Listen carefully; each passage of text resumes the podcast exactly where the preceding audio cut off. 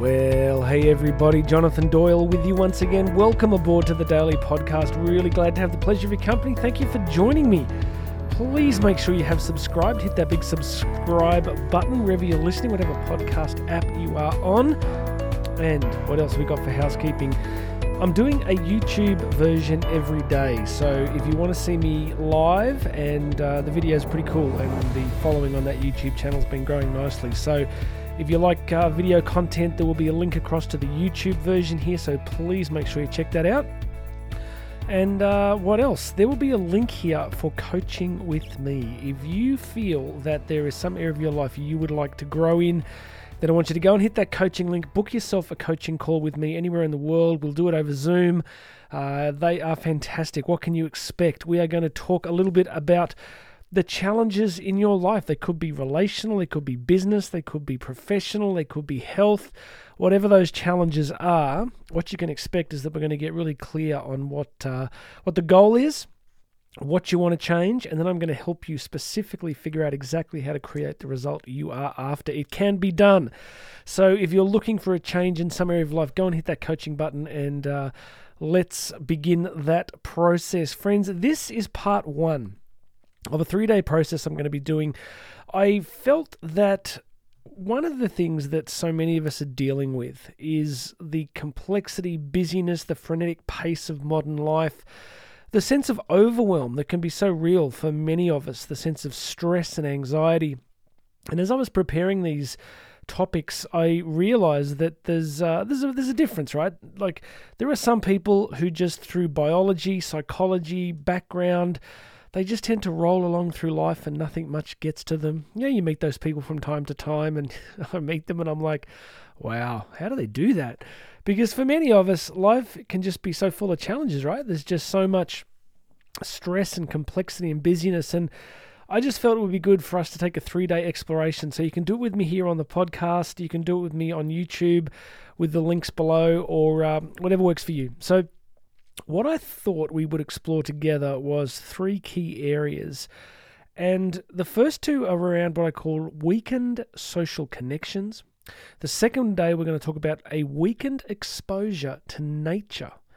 And finally, I want to talk about technological complexity. These three things, I think, are behind a significant part of what's stressing us out. So, all of us are going to experience them a little bit differently, but I want to talk about all three and give you some good data on them. And I want to make sure that in each episode, we're looking at practical things we can do. So, if you would like to de stress a little bit, if you'd like to dial down the amount of stress in your life, then please make sure you're, you're checking in each day for the next three days because we're going to do some stuff together that's going to be really helpful. So, what can you expect?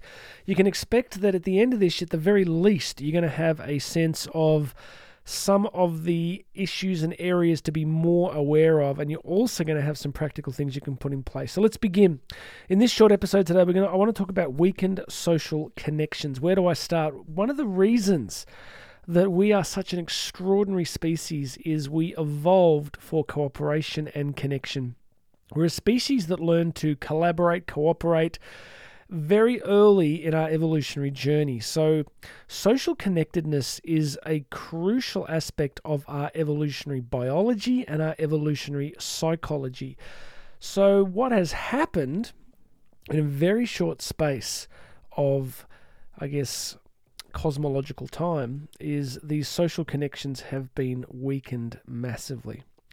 So, what we need to do is talk a little bit about what that looks like and what we can do to change it. Now, I did some research on this. It was really interesting. I've, I found some really good stuff published by Stanford University talking about the impacts of weakened social connections on our health.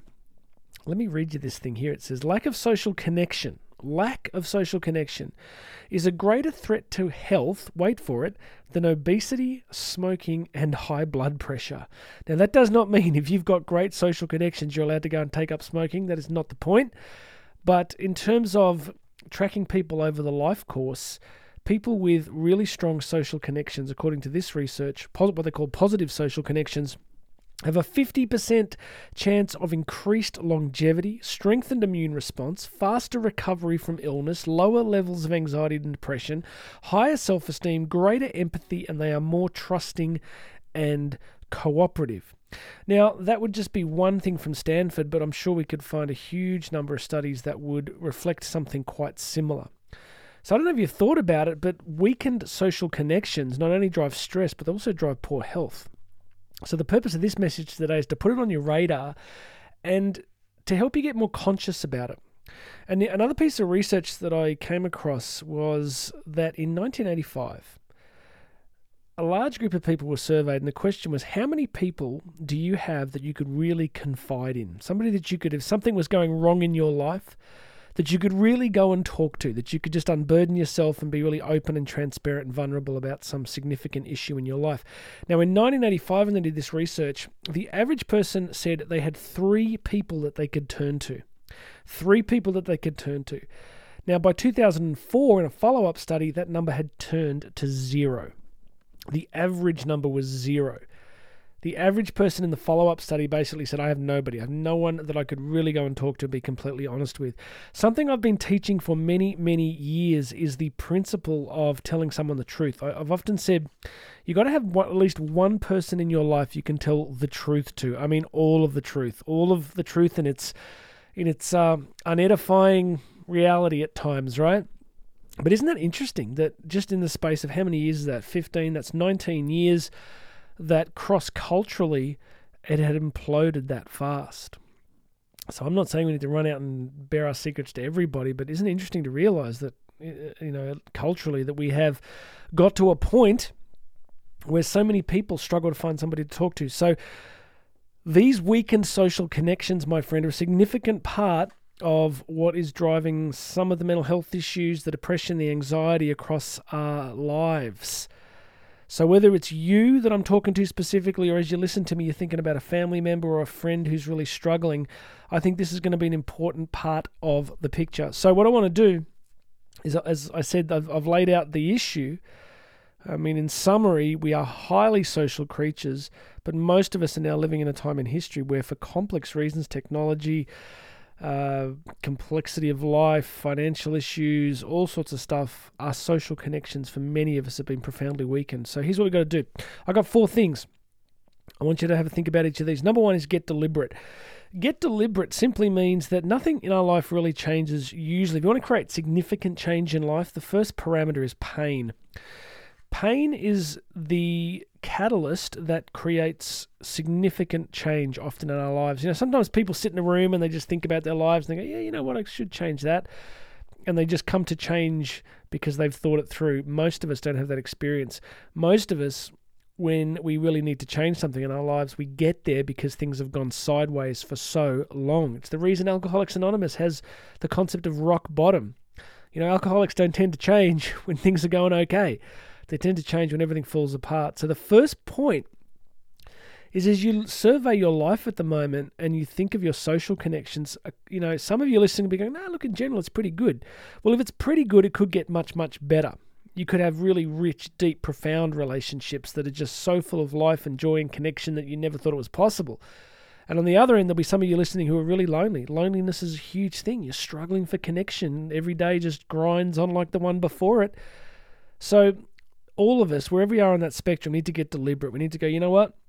Social connectedness matters. You know, uh, the French have a saying that the goal of life is not to be the richest person in the graveyard. Okay, so the goal of life is not to just grind on indefinitely, telling yourself that some point in the future you are going to make time for friendship because by the time you get there, you may not have many people around to share it with. So we want to get deliberate. Ask yourself, do an audit. Where are you with your social connectedness? Where are you with your friendships? You know, it's interesting. One of my brothers rang me the other day. I hadn't spoken to him for, for weeks, and you know, we get on really well. You know, but he's he's moved to a different part of the country. And it was really poignant listening to his voice and just realizing that I got to do some work on that connection. So I'm actually going to take one of my kids and we're going to jump on the motorbike, and it's about a I think it's about a 4,000 kilometer ride, but we're going to head up there and uh, and see him because that matters. And another dear friend of mine sent me a picture today uh, from the hospital with his brother who's so sadly passing away with cancer. And he sent me the most beautiful photograph of the two of them that were there. So these moments of social connectedness are so crucial. And, you know, we don't want to be trapped in loneliness. So, number one, get deliberate. Number two, if you want to increase social connectedness, the research that I looked at suggested that instead of actually focusing on yourself, the you need a paradoxical intention, which is you need to focus on others. See, often if we're lonely, we can fall into that self referential dynamic, right? Where we look at our own pain, we look at ourselves, we look at our suffering, and we get stuck there. But the research pretty clear that the more you focus on others, how? By learning to give more, share more, do more for and with others, then your social connectedness tends to increase. See what I mean? So, the way out of social connectedness isn't a relentless focus on your unhappiness or your loneliness. The way out of limited social connectedness is to focus intensely or more intensely on the people around you. What can you do for them? What can you offer them? What can you help them with? What can you offer to, to do? Like today, I reached out to a friend of mine and I said, Hey, I'm going to take the kids camping on Friday. Do you want to come? Bring your kids. You know, just let's just take this opportunity. Let's reach out. He really enjoyed it. It'd be really good for him and his kids. So, you know, my focus, like any human intention, it's mixed, right? Because I thought it'd be nice for me, it'd be nice for my kids to have a bigger group. But my original intention was inclusivity, was including that person and reaching out to them, which, inc- which increases the social connectedness, right? Number three, um, again, a little paradoxically here, self care often if we're struggling with loneliness and a sense of pointlessness or isolation, we often forget to take decent care of ourselves. So we get tighter, we get more insular, and the research again is pretty clear that if you begin to focus more on self care, on getting enough sleep, getting enough rest, being in a good place yourself, you tend to be more able to engage in social connectedness, right? So again, it's paradoxical. The more you focus on, this it's almost I've just contradicted the second point, but not quite you know, the more that you look after yourself, the more you're in a place to be open and receptive to the people around you. And finally, number four is is simply to ask for help, to actually consciously and deliberately tell people when things are not going well in your life. You know, actually reach out to people and say, look, can we catch up? You know, and tell the truth.